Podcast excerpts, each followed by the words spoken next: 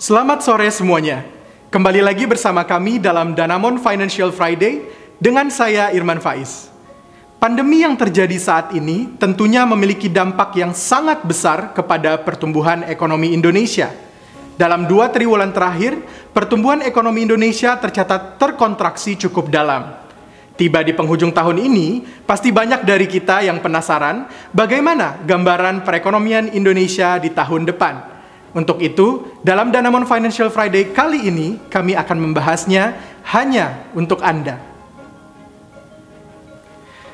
Berbicara perekonomian Indonesia pada tahun 2021, terdapat tiga hal utama yang mungkin penting untuk kita perhatikan.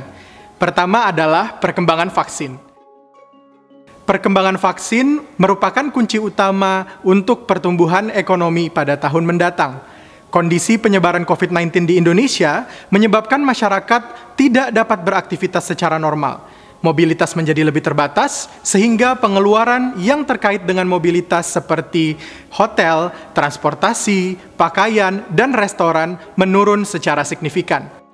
Di sisi lain, penurunan aktivitas ekonomi menyebabkan pemutusan hak kerja dan ketidakpastian pendapatan di masa yang akan datang, sehingga masyarakat menjadi lebih berhati-hati Kehati-hatian masyarakat tersebut tercermin pada Consumer Confidence Index yang menurun dan perilaku masyarakat yang lebih memilih menabung uangnya daripada berbelanja. Menjelang akhir tahun ini, kita mendapatkan kabar baik bahwa ada tiga vaksin yang telah melewati fase terakhirnya dalam uji coba dengan tingkat efektivitas lebih dari 50%, yaitu Pfizer, Moderna, dan AstraZeneca. Sejauh ini, ketiga vaksin tersebut sudah memiliki kesepakatan dengan berbagai negara di Amerika, Eropa, Jepang, dan lain-lain. Indonesia sendiri sudah memiliki kesepakatan dengan AstraZeneca sebanyak 100 juta dosis. Selain itu, Indonesia juga sudah memiliki kesepakatan dengan beberapa merek vaksin dari Tiongkok, seperti Sinovac dan juga CanSino. Pemerintah menargetkan pada awal tahun 2021 Vaksin sudah bisa mulai didistribusikan dengan prioritas orang-orang yang bekerja sebagai pelayan publik dan yang beresiko tinggi untuk terpapar virus corona. Kedua, pemulihan ekonomi global.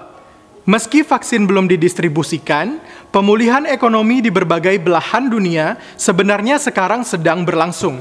Tentunya implementasi protokol kesehatan yang baik menjadi kritikal untuk sebagai kunci agar pemulihan ekonomi global terus berlanjut. Ketiga, stimulus fiskal domestik. Selain vaksin dan pemulihan ekonomi global, tentunya dukungan dari pemerintah juga turut membantu percepatan pemulihan ekonomi domestik. Pada tahun 2020 ini, pemerintah menganggarkan dana sebesar 695 triliun rupiah sebagai stimulus fiskal untuk menahan dampak pandemi terhadap kinerja perekonomian domestik.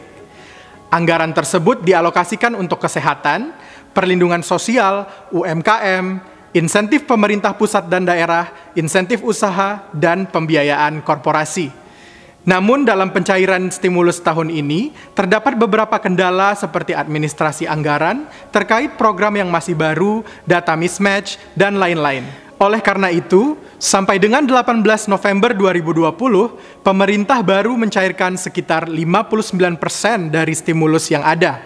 Di tahun depan, pada anggaran penerimaan dan belanja negara 2021, pemerintah kembali menganggarkan stimulus untuk pemulihan ekonomi nasional dengan nominal sekitar 357 triliun rupiah. Belajar dari realisasi stimulus pada tahun ini, kecepatan penyerapan dan eksekusi anggaran menjadi kritikal dalam memberikan dorongan untuk pemulihan ekonomi saat vaksin didistribusikan dan pemulihan ekonomi global berlanjut. Dengan melihat perkembangan vaksin, pemulihan ekonomi global, dan dorongan stimulus dari pemerintah, kita harus optimis untuk menyambut momentum pemulihan ekonomi Indonesia dari dampak COVID-19 di tahun depan. Sekian pandangan dari kami. Tuliskan pendapat Anda dalam kolom komentar, dan jangan lupa untuk klik like, subscribe, dan share. Sampai jumpa lagi dalam episode Danamon Financial Friday berikutnya. Terima kasih.